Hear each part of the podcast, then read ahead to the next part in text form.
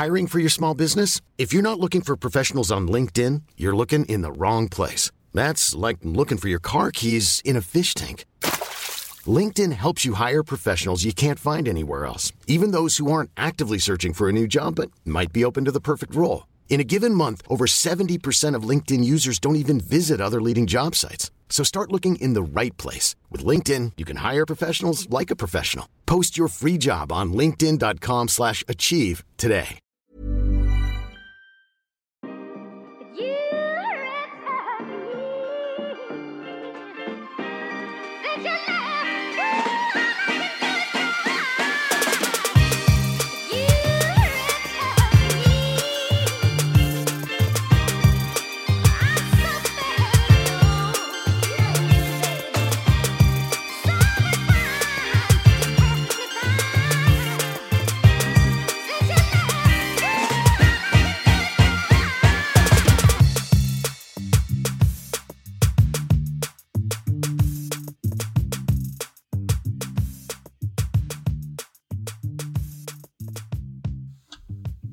Hallå! Ni lyssnar på Okrystat med mig och Pukwa. Är det inget bra? Jo, det, alltid så gulligt. Jag tycker att det är. Eh, ja, ni lyssnar på Okrystat. Det är sista gången jag kommer. Det är sista gången jag kommer. Nej, du låter så sn- snäll och gullig bara. Eh, det där var mobbing. jag tycker du är snäll, är det mobbas? Okej, om du menar det då, Jag, jag, då jag tar jag, då att tar det jag emot det. Ursäkta, vi har en gäst här som är med på våra syskonbråk. Nandi är tillbaka. Hon var med näst, förra veckan kanske, jag vet inte, för vi har spelat in där i förväg. Ehm, men hon är kvar in the studio. Yes. Hej Nandi. Hej. Mår du fortfarande bra? Mår fortfarande bra. 40 minuter sedan. Hur mår du Opoka, idag? Jag mår En bra. dag i jag, november. Mm, vabbar båda barn. Så det är, Är det första gången? Ja, det är Mm. faktiskt första gången. Jag är hemma med båda två. Eh, och eh, jag har varit vaken sedan klockan tre. För att min son hostade så mycket. Alltså hela tiden. Kunde du inte få sova? Han somnade aldrig om? Eller Ja, du somnade han hostade och så kanske det gick tio minuter. Han ho- hostattack igen. Och så höll det på så till klockan sju. Och då vaknade min dotter. Mhm. Usch vad jobbigt. Ja, Mm, så men du har ju längtat efter att bara vara ledig med dem. Ja, men inte när jag var dålig. Jag är trött. Det Nej. är inte samma sak. Får du sova nu på, när du kommer hem? Kan din man hjälpa till eller? Ja, men det blir alltså. Det, det är klart han kan hjälpa till. Men då kommer också min son stå utanför dörren och, och vråla. Vill du han komma och sova hos mig? Det hade varit jätteskönt. Du får göra det. Om du vill. kanske jag tar med om. Ja, stänger vi dörren. Det är ingen som kommer in till dig. Sounds like a dream. Ja, vi, vi snackar om det sen. Eh, jag mår i alla fall toppen. Jag kan inte må bättre. Jag kan inte det. ja, Alltså jag, Jag mår så verkligen bra. Verkligen. Det är fantastiskt. Jag bara, fast jag också är bara så här, gud vad är det för dipp jag kommer få sen? För jag men du har ju varit på topp. Det känns som i flera år. Det här är min... Ja, nej, inte flera år, men... Ja, men du mår ju ändå oftast väldigt ja, jag mår oftast bra. jättebra, men nu mår jag bara... Väldigt kul. Kan någon må bättre? Eh, men jag hoppas inte jag kommer, det blir depression sen. Nej. nej när de här hormonerna. Mustasch och depression. Du vet att jag inte har mustasch när jag är gravid. Det är det It's bästa. a good life. Alltså jag brukar tråda annars, men jag Ja. behöver inte göra det.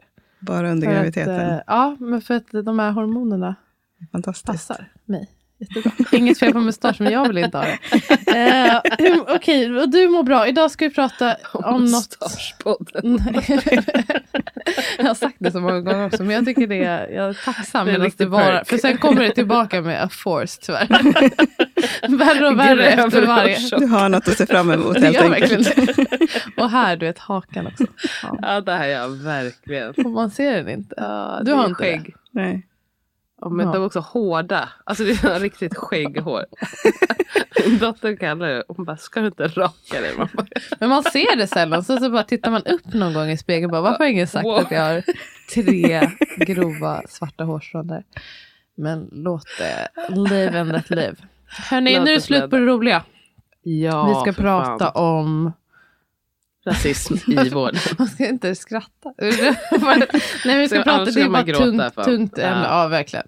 Eh, och jag vet inte hur lång tid vi kommer hinna prata, så jag kanske bara touchar lite. Men vi, du är ju här i Stockholm för att gästa oss, och då tänkte jag att eh, du har ju skrivit din C-uppsats på barnmorskeprogrammet om, vad var titeln, eller vad, vad var ämnet? Titeln är, eh, den heter Man är ju svart i hela sitt liv. Det är en kvalitativ Mm. intervjustudie.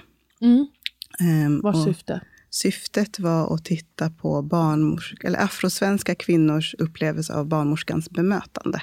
Mm. Mycket intressant. Så Verkligen. jag tittade inte på rasism som många Nej. kanske tror. Eh, och anledningen till det var för att mina eh, lärare på universitetet tyckte att jag inte kunde titta på det. För att? För att det inte fanns, Fanns forskning för då tyckte de att jag hade en förutfattad Ah, mening. aha, aha, att, okej, att den här gruppen utsätts för rasism. Ja, man, kan, man ställer frågan på ett annat sätt, Ja. eh, så att säga. Så det var, jag fick vara mer neutral i det. Och sen så tänker jag att jag förhoppningsvis ska skriva en master. Mm. Eh, och då titta på rasismen. Alltså hur den uttrycker sig kanske Mm. för den här gruppen. För man kan säga att det ändå... Ja, Det jag finns. hittade ju rasism i, när jag gjorde mina intervjuer. What? På sjukhus? Men eh, var de, var de öppna för din, eh, ditt förslag, alltså ämne annars? Eh, ja, jag, tror, jag känner- känner att efteråt så var de också väldigt... Min, min examinator var otroligt positiv och tyckte att det här var jättespännande och bra. Och eh, min handledare var väldigt öppen till att lära sig. Mm. Eh, vilket var väldigt kul, att vi pratade om tolkningsföreträde och sådana Mm. saker. Ehm, så att, ja, det blev ändå bra, tycker jag. Jättebra, men det är därför vi ville prata lite med dig om det här ämnet. Mm. Ehm, och vad, vill du berätta vad du kom fram till lite grann? Det jag kom fram till var att ehm, de kvinnor som upplevde att de hade haft en bra upplevelse, det var likt alla andra. Så här att de blev sedda, de blev lyssnade på, respekterade och så vidare. Eh, och de som hade negativ upplevelse var också som alla andra egentligen.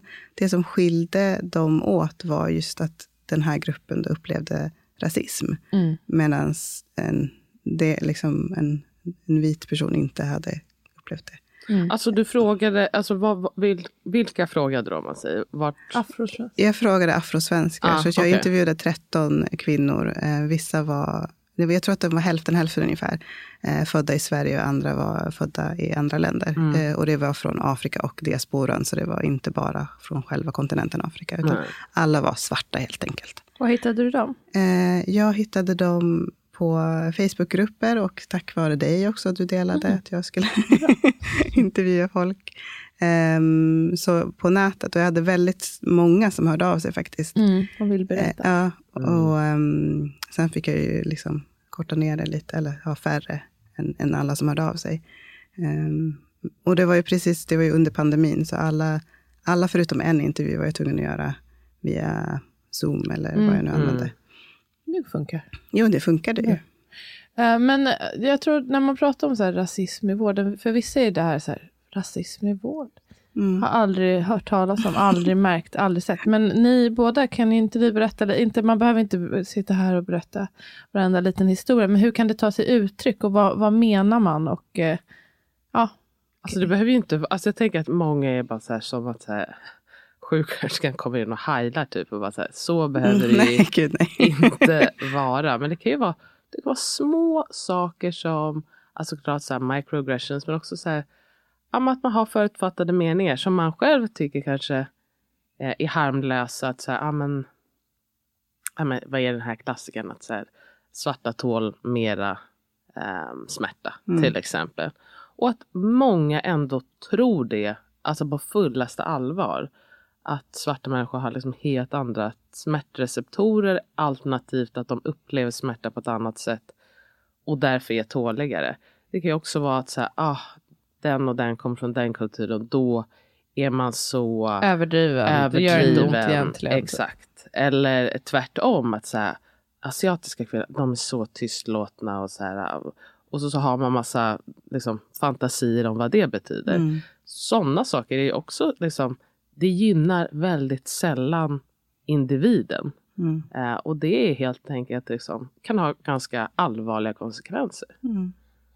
Det skulle jag säga. Men Mm. kanske alla fall en av de vanligaste grejerna som man ser eh, i vården överlag. Mm. Mycket det här med att den överdriver. Det kan ha väldigt allvarliga konsekvenser. Absolut. För då tar man inte någon på allvar som kanske är liksom akut dålig. Mm. Det har man ju sett att det har lett till dödsfall. till Mm. Att man inte tar någon på allvar för att de kulturell svimning, den här, det fallet till Mm. exempel. Mm, att man tänker precis. att någon gör sig till. Har du några andra tillägg? Eh, De som menar att det liksom inte, för jag har ändå upplevt att folk, så här, det här är inte ett problem. ja. Jag tänker att då är man ju kanske inte den, på- den sidan av att man utsätts för Nej, rasismen. exakt. Att man, därför säger man att det inte är något problem. Ehm, och jag tror att i många fall så finns det olika nivåer av Mm. rasism. Vissa är väldigt liksom, eh, raka och uttalar sig väldigt illa. Och andra är mer liksom, diffusa saker som när man själv det vet ju ni också, när man är uppvuxen i Sverige så har man ju upplevt många situationer där man, man får bara en känsla, och det så beskrev de, mina, de som är intervjuade också. Ibland var det bara en känsla av att den här personen tycker inte om mig på grund av att jag är svart. Inte så mycket att liksom, de säger något elakt, men det kanske är lite otrevligare utan att det finns någon Ja, lite anledning. avvisande och sådär. Precis. Och det var ju på grund av att jag fick höra en hel del när jag jobbade på BB. Så började jag tänka på den här idén till min uppsats. Ehm, och då tänker jag också, all, jag tänker alltid så här, om jag får höra det som ändå är synligt icke-vit, vad, vad sägs då när jag inte är där? Mm. Eh, för jag har hört väldigt många saker. Liksom, ehm, ja, men det här, så här kulturella saker. Ja, men hon går inte upp ur sängen för att det, det är kulturellt. Hon vill bara ligga där. Men bara, hon kanske inte mår bra. Har du frågat henne? Ja, Liksom. alltså, Eh, och liksom, ja, men få överlämning då från förlossningen. Och de säger, ja men han har varit så aggressiv. Eh, de är ju muslimer, han slår säkert sin fru. Mm. Alltså bara sådana saker som man tar liksom från ingenstans. Att det, istället för att tänka så här, men okej, det var en stressig situation. Han ser sin fru i så himla mycket smärta. Hur kan vi stötta honom i det här? Så går man direkt på någon stereotyp bild av en man som är liksom som, han kanske inte ens var muslim, men det kan vara liksom Ja, den bilden. Ja, hur många muslimer känner du? Känner Ja, precis. det är liksom, jag har också den nästan värsta, eller som jag också känner rakt av väldigt farligt, eh, som jag hörde att de, någon som sa att somaliska kvinnor ofta har liksom en takikard eh, kurva. Mhm. Alltså, Oj, alltså att barnens hjärtfrekvens är oftast liksom högre. Att det är så då ska vi inte bry oss om det. Ja men lite så. Och man bara, Fan vad det, sjukt. det är Alltså riktigt- jag fick höra att somaliska kvinnor har oftast eh, mäckigt Ja, fostervatten. det har jag också för att de slutar äta i slutet på graviditeten för de inte vill ha så stora barn.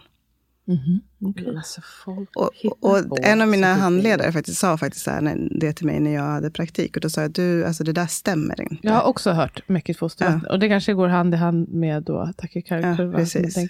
och det, och, det, och det, det här vet man ju, eh, eller man vet, man har sett att eh, kvinnor födda söder om Sahara, som är ett jättestort område. Eh, alltså det är ett så stort område. Det här kanske vi kan prata om. Men eh, eh, de tillhör ju riskgrupp. Om man är född söder om Sahara numera så ska man erbjudas induktion i vecka 41. I alla fall här i Stockholm. Hur Mm. har ni det i Skåne? Mer eller mindre samma. Alltså det är lite beroende på sjuk, sjukhusen. gör faktiskt lite olika med det där. När de rekommenderar induktion. Mm. Och det här, det, man har ju sett att, alltså utfall, rätt mig om jag har fel, men eh, utfallet i, kring förlossningar är sämre överlag i alla eh, aspekter för den här gruppen. Mm. Även om man tar bort liksom, socioekonomiska Precis. faktorer och så. Ehm, och då, som alltså forskning överlag, det tittar ju mycket på vad och inte så mycket på varför. Mm, men man, Mm.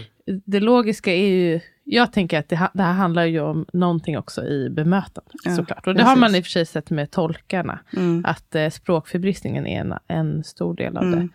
Men eh, den här eh, riktlinjen, eh, jag, jag är starkt emot den. Nej, men alltså, det är också att man lägger, vad heter det, a plaster on a, vad heter det, gunshot wound. vad man brukar säga. Nej, men att man bara så vill inte ta tag i bakgrunden och bara så här, Mm. ja men då lägger vi bara till en till intervention och typ eh, och hoppas på det bästa. Precis, eller tanken är väl god, att man tänker nu ska man rädda några barn. Men man måste också vara tydlig med vad, vad är det vi menar och vilka är det vi menar. Och, Men om man också skulle jobba med rasismen då skulle man ju rädda både barn och säkerligen göra upplevelser för mammorna mycket, mycket Absolut. bättre. mm, åtminstone Ja. titta på vad det kan ha. För det här har vi ju pratat lite om, just den riktlinjen också, när man Mm. frågar folk, ehm, personal, alltså varför, varför finns den? Mm. Och ingen vet ju riktigt. Nej, det brukar vara lite diffust. Liksom. Väldigt diffust. Ja.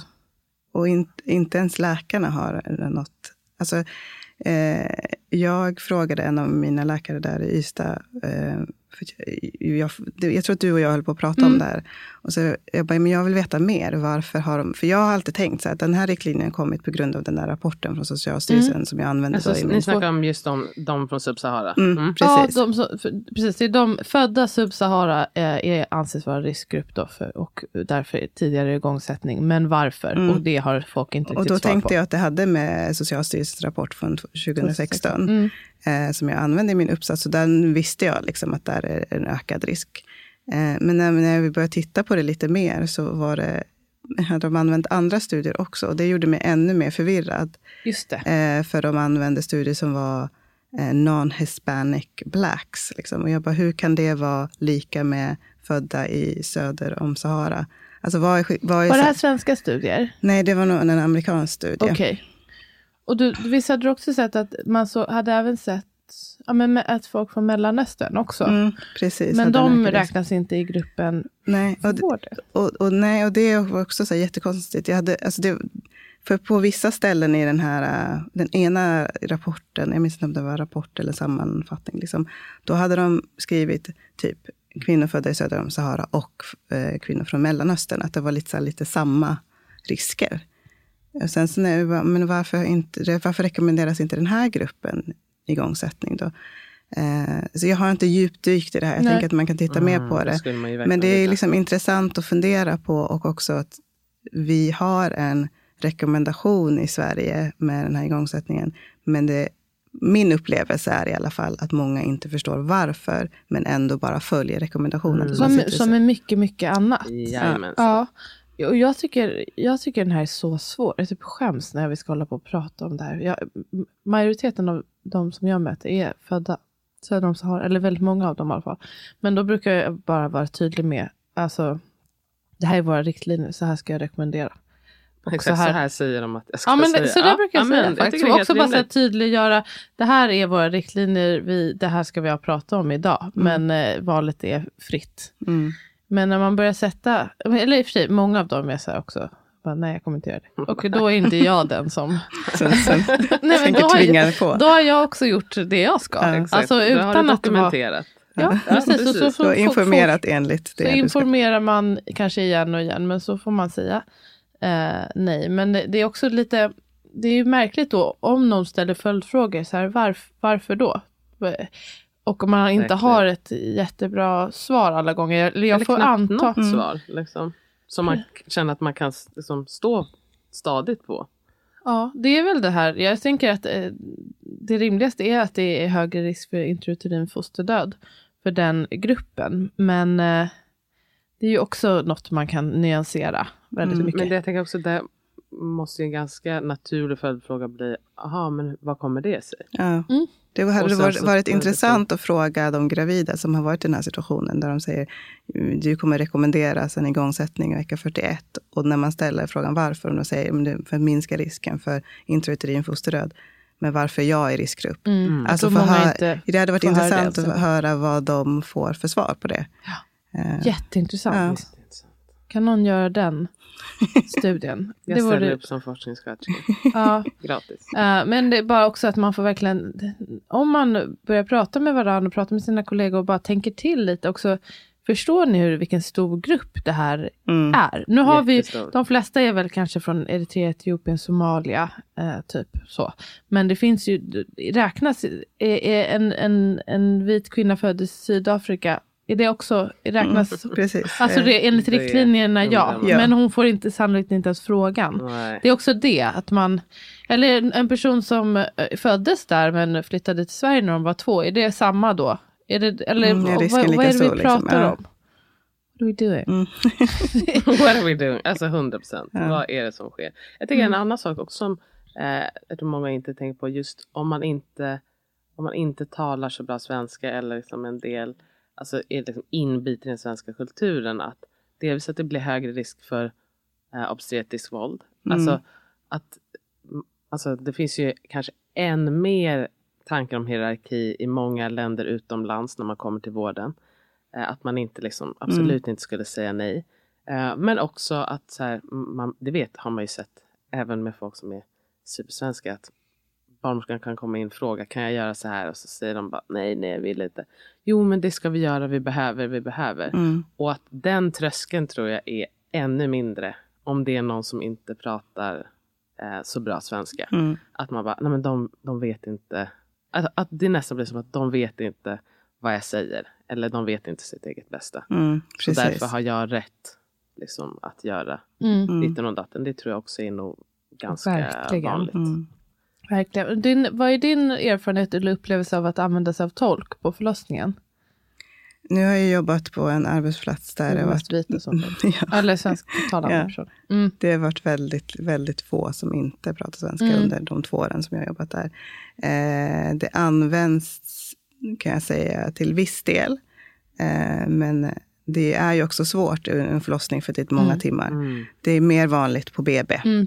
Och där eh, används det, i min erfarenhet i alla fall, där jag jobbat innan, eh, flitigt. Mm. Eh, att man liksom använder flera gånger. Och speciellt om det är, alltså, tänk om man har ett barn med, på neo samvård till exempel. Då händer det mycket under tidens gång. Så man vill ha en tolk när det är barnläkare och en tolk när det är, eh, man ska planera för dygnet kanske och så. Och där tycker jag att de har varit väldigt generösa med det. Eh, men det verkar variera på, eh, från plats till plats. Eh, hur, hur generös man är, eller man ska säga, hur, Verkligen. hur liksom mycket det används. Mm. Och det, det gör ju verkligen att maktstrukturen blir helt... Tänk, tänk vad utsatt man Mm. skulle känna sig om man kom till en plats, ett, kanske där man också som du säger inte är helt inbiten i kulturen och där man inte kan uttrycka sig på sitt språk. Mm. Alltså, Och så ska När man föda barn. mitt- och ja, föda verkligen. barn på ett, ja, det, det, Mm. jag kan inte tänka mig. Man kanske Eh, inte heller har sin familj alltså, som ska möta upp en efteråt. Och, alltså, så här, och kanske inte heller varit med en innan. Alltså, Mm. Man har inte det här skyddsnätet. Heller. Eller måste veta, jag tycker där kan man göra stor skillnad som vårdpersonal. Att man alltså, försöker se till att det fin- finns tolk. Mm. Och liksom, att eh, försöka lära sig om just de här liksom, de här små grejerna spelar stor roll. Och Mm. att man vågar säga till. Jag tror att det är ju inte svenskars bästa trait. Mm. Liksom att man är ganska konflikträdd men att man eh, det finns, om man inte vill gå till sin chef, för jag tycker att det är väl eh, det man brukar rekommenderas, att gå till chefen. Men annars finns det nästan alltid på sjukhus såna här anonyma eh, anmälnings eh, sidor eller vad ska, man ska säga. Program där man kan göra en liksom, eh, o- inte orosanmälan. Avvikelse. Avvikelse, precis. Mm. Och att man kommer ihåg att göra det. För att mycket handlar ju om att man så här, tror att det inte finns för att det finns så lite dokumentation. Mm. Eh, och att man måste liksom det måste stå någonstans Mm. så att man kan föra någon typ av statistik. För där, Sverige är ju väldigt bra på statistik men också som att finns det inte statistik då händer det inte. Mm. Ehm, så att det, om man har varit med om det själv, att man orkar anmäla. Om man, om man orkar så är det bra att anmäla. Men också som vårdpersonal att man gör en anmälan. Mm. Jag tror att Det som är att synd är ju att vi inte har någon jämlikhetsdata. Så- eh, Så att man titt- det är väldigt Det är synd. svårt att få fram eh, information om rasism och liksom diskriminering inom vården just för att vi inte använder oss av det. Vi använder oss av det till kön, man Mm. eller kvinna, men inte Alltså att till man, ehm, eh, vad ska man säga, att man kategoriserar Precis. deras etnicitet. ursprung. Eller, Ja. Och det skulle man ju kunna vara själv, alltså att man själv bestämmer om man vill eller Mm. inte. Till exempel, jag hade jättegärna gjort det om jag var i vården. Just för ifall jag blir, blir dåligt behandlad eller blir utsatt för rasism. Så då kommer jag ju kunna bevisa det på ett helt annat sätt. Men jag tänker att Precis. det är väl också så här förklätt i att så här, nej, typ, vi ser inte färg. Ja, då ska exakt, vi liksom inte, då Mm. ska vi inte fråga folk. Eller Mm. vi ska inte kategorisera därför. I USA och England är man ju mycket bättre på det och då har man ju också fått fram Där har man ju siffror. hemska siffror. Kan, Mm. kan du dem i i huvudet, aktuella? Nej, det kan jag nog inte. Jag tror att det är tre gånger som tre gånger så hög risk för svarta i USA eh, som vita att eh, dö i samband med, med graviditet och förlossning. Och Tre till fyra tror jag i England om jag inte minns fel. Det är katastrof. Precis, och USA det, det är en helt annan, de har en helt annan också förlossningsvård. Det är inte direkt jämförbart med Sverige, men ändå. Eh, det är Men England uppenbart. tänker jag är, ja, England liksom är bättre. ganska, ganska för, jämförbart. Eh, vi kommer ju aldrig ha ett land som är exakt som Sverige, Nej. för alla länder är olika och olika med befolkningen. Men man kan ju ändå fundera på det. Liksom. Verkligen. Och där, där har man också sett, eh, eller hur, att man, man ändå kan härleda det till just eh, att rasism Mm. är en, en stor faktor till att det är så.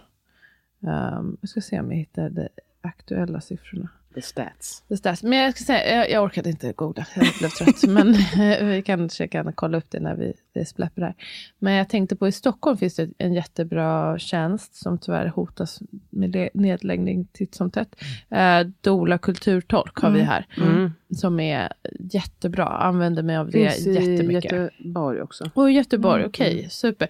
Då är det alltså, då utbildar de eh, dolor ehm, som också fungerar som ehm, typ en kulturell brygga och tolk Mm. under födseln. Och det här är jättetillgång. Mm. Vi hade Alltså- det i Malmö ett tag vet jag, men det finns inte längre. De stängde, de Ja, stängde. ja. Mm, tråkigt, Mm. för vilken, det hade man också velat ha svart på Jättebra. vitt kunna se eftersom man älskar ju statistiken och forskningen och så. Alltså hur, hur, eh, vilken effekt det har. Kan, Mm. alltså det måste ju, man vet ju att doler har en positiv effekt. Det måste vara ännu mer positivt för Mm. de här som inte kan språket. Jag tänker också det. Åt Så båda också- hållen. Liksom. Mm, alltså, jag tänker att det skyddar den som ska föda. Och Men de också som de jobbar. som jobbar. Det blir mycket, att det är jättesvårt att jobba när man inte kan kommunicera på samma Ja. språk.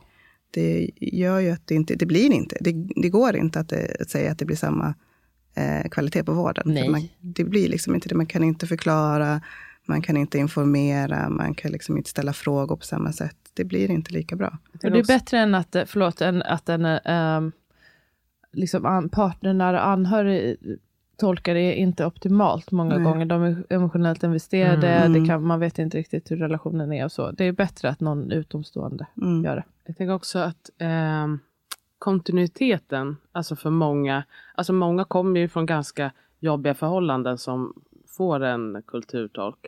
Att ha den här kontinuiteten, alltså från graviditeten till liksom efter att barnet är fött.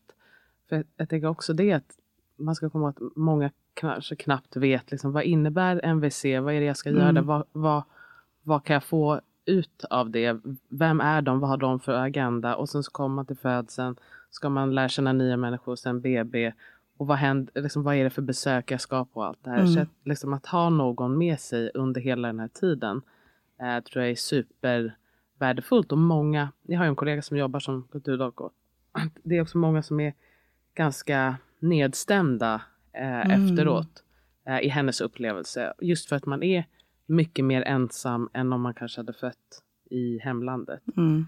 Ehm, och att ha någon som känner till en från, sen innan och liksom ens bakgrund som kan hjälpa en att söka hjälp också när man inte mår bra. Mm. Det är också en så jättestor tillgång. Liksom. Absolut. Ja, Om man, om, ni, om man jobbar på mödravård, man utnyttjar verkligen det. Och man kan, även om inte språket finns listat, de vill gärna att man hör av sig. Så att de vet liksom vad som är efter, vad det finns för efterfrågan. Mm. Ibland också kan de ju prata. Ehm, jag vet att jag fick frågan om jag ville bli kulturtolk och då skulle det vara för engelskspråkiga. Mm. Eh, men just bara för att vara liksom, någon som hade lite liksom, just koll kring kulturen. Ehm, och Mm. att, för det också är en grej. Alltså att om, kommer man från en helt annan kultur då är det liksom en whirlwind att komma in i det svenska väldigt liksom, Mm. kanske strikta och, och man antar att folk ska ha koll på läget, vad är det som gäller och sådana här saker. Om- Men om en fråga till er innan jag ska smita iväg. Ehm, om man är barnmorska eller vårdpersonal överhuvudtaget och man känner att man kan för lite, man vet inte hur man ska hjälpa till och bidra och förbättra situationen. Ehm, vad kan man göra med sig själv och eh, liksom för att vara en ally så att säga? Har ni något? Bra fråga. Mm. Rannsaka sig själv. Mm. Ja, Det är okej kan att, man alltså, du verkligen har, alltså alla har någon typ av, man Ja, har man har fördomar. fördomar, och så absolut. vi också, herregud. Absolut. Och också, för jag kan också känna ibland när fördomarna kommer upp inom mig, Mm. att jag bara så här, okej, oj, Mm. Varför tänker jag så här? Ja, Var kommer, det här ifrån? Istället för att liksom köpa rakt av att den här fördomen är sann. För nu såg jag den här personen och då tänker jag att det är så här. Utan bara fundera på, men vad är det som får mig att tro det här? Var kommer det ifrån? Och våga liksom gå emot den där första spontana tanken som man får i huvudet, som man har fått någonstans ifrån, som man kanske inte riktigt ens vet var det kommer ifrån. Precis, ifrågasätta lite. Och Mm. våga vara lite självkritisk. Precis. Alltså jag vet att eh, när jag, eh, det var liksom när eh, Black Lives Matter var som absolut eh, hetast. Då vet jag att jag skrev jag till mina chefer och frågade kan ni, kan ni visa vad, liksom, hur jobbar ni aktivt mot Mm. det här? Men också bad jag, var snäll och skicka det här vidare till eh, sjukhusdirektören. Jag Mm. vill också veta vad gör vi som sjukhus? Alltså ni ska kunna hänvisa till någonting som ni gör. Mm. Och det var väldigt lite kan jag säga. Mm. Och att man då kan säga, men det här är ju, det här vet vi är en, en viktig sak och det här påverkar våra patienter men också våran kvalitet, Mm. vårdkvalitet.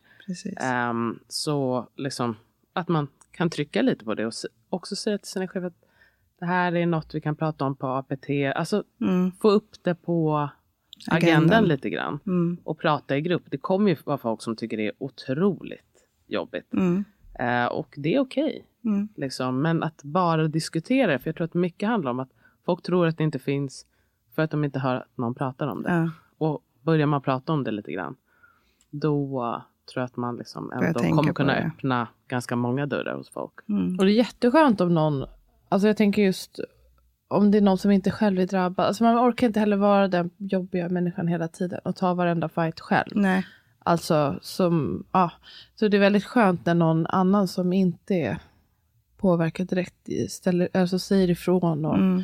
står Precis. upp för saker. Man vet ju själv, jag tänker också på hur man upplever rasism i vården. Också ni känner väl igen det, alltså i fikarummet och sådär, ibland när man hör vissa ämnen komma på tal och så, Mm. jag bara, ofta så är jag bara, jag backar härifrån, jag orkar inte Mm. höra, nu kommer ni säga något riktigt tokigt. Grovt. Ja, Mm. och ibland orkar man ifrågasätta, men det är också tär jättemycket Ja, på Ja, det är väldigt, Man- väldigt trötta, tröttsamt. Man blir jättetrött och det, eh, det är faktiskt också en jobbig grej med att ha så många olika, när man jobbar på sjukhus framförallt, man har så många olika kollegor Mm. och just det här fikarum-snacket ibland så känner jag att jag, jag vill inte vara med. Alltså jag vill inte prata heller om de vi vårdar på det här sättet. Jag vill Nej. inte höra allas politiska snacka skit. åsikter. Mm. Och Jag jag vill alltså verkligen det snacka skit.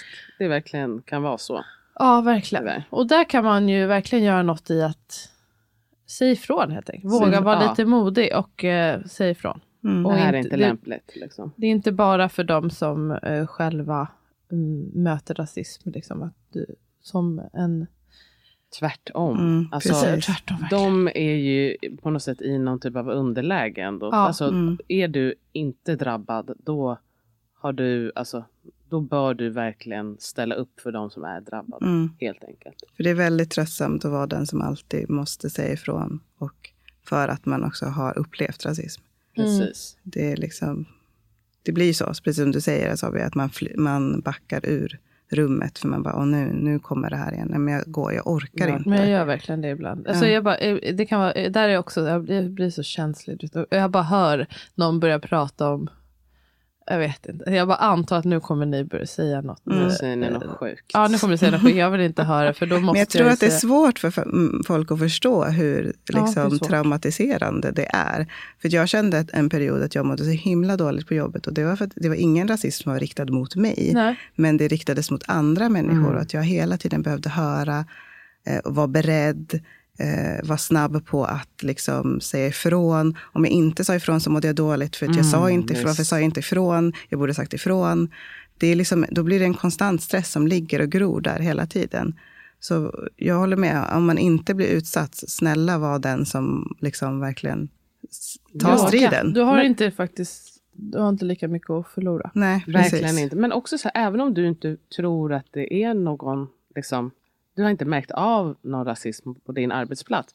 Det skadar aldrig att be om att lyfta den diskussionen. Mm, precis. Alltså för att om du, du kanske inte har märkt något, men din kollega kanske har märkt något. Mm. Eller liksom att bara, och det värsta som kan hända är att så här, ni tar upp diskussionen, alla säger nej, vi har inte märkt någonting. Okej, ja, Mm. men då har man åtminstone lyft upp det. precis. Och det är ju verkligen något som man kan ha som ett återkommande tema. Alltså när man har typ eh, APT, att man, det kan också vara så subtilt som att så här, kom ihåg eh, att man kan anmäla anonymt. Alltså, Mm. liksom, bara uppmuntra till sådana saker. Jag är ju skyddsombud. Jag tycker, prata med era skyddsombud. Mm. Det kan också vara bra om man inte vet direkt själv vad man ska göra eller behöver liksom lite, lite stöd. Mm. Mm. Um, Do something helt enkelt. ja, var inte fegis. Precis. Ja, var inte tyst. Uh, hörni, jag tänkte smita för jag måste gå och hämta mina barn. Ja, men det här var jätte... Nu skrapar du verkligen på ytan. Du får komma tillbaka. Ja, är vi klara? Ni, ni skiter i att snacka vidare. Ja, ja Mm. men vi kan Okej. snacka lite till. Men Okej. vi avslutar podden. Du? Vi avslutar podden. Jaha, ni snackar eh, offline. Offline. Okej, Tack så mycket att ni lyssnade. Ehm, jag säger igen att följa Nandi, hon heter Nandis Insta. Um, kan Mm. också tipsa om på ämnet Läkare mot rasism. Mm. Heter de? Läkare punkt mot rasism. Och jag tycker också Min Melanin Mm. skriver Ja, bra. precis, de tar upp jättebra. viktiga frågor. Och, eller de, hon, hon tar upp frågor om det här. Och intressant när hon just pratar om de här, så här hon la upp någonting med att sticka barn. Mm. På, alltså att hur många det är som verkligen tror att Alltså svarta Emla har eller? tjockare Mm, hud. Emla, ja. Eh, och Mm. det är svårare, man måste sticka med grövre, alltid sticka med grova nålar på dem och så.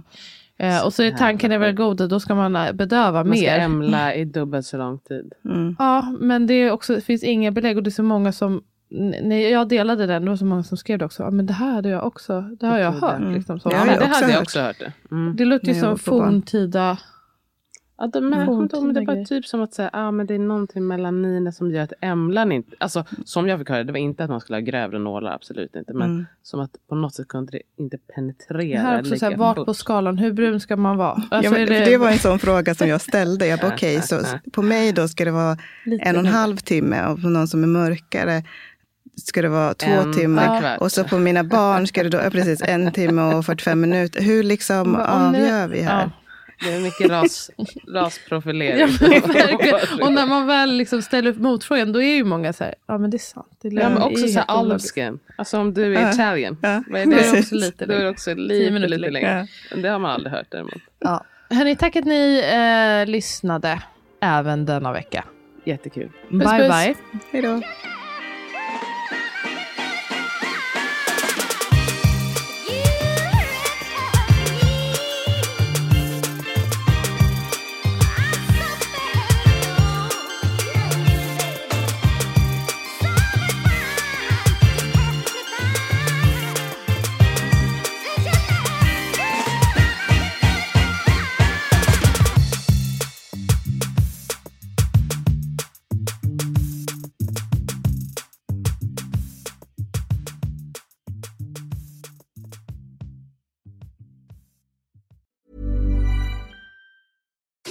I'm Daniel, founder of Pretty Litter. Cats and cat owners deserve better than any old fashioned litter. That's why I teamed up with scientists and veterinarians to create Pretty Litter. Its innovative crystal formula has superior odor control and weighs up to 80% less than clay litter. Pretty Litter even monitors health by changing colors to help detect early signs of potential illness. It's the world's smartest kitty litter. Go to prettylitter.com and use code ACAST for 20% off your first order and a free cat toy. Terms and conditions apply. See site for details.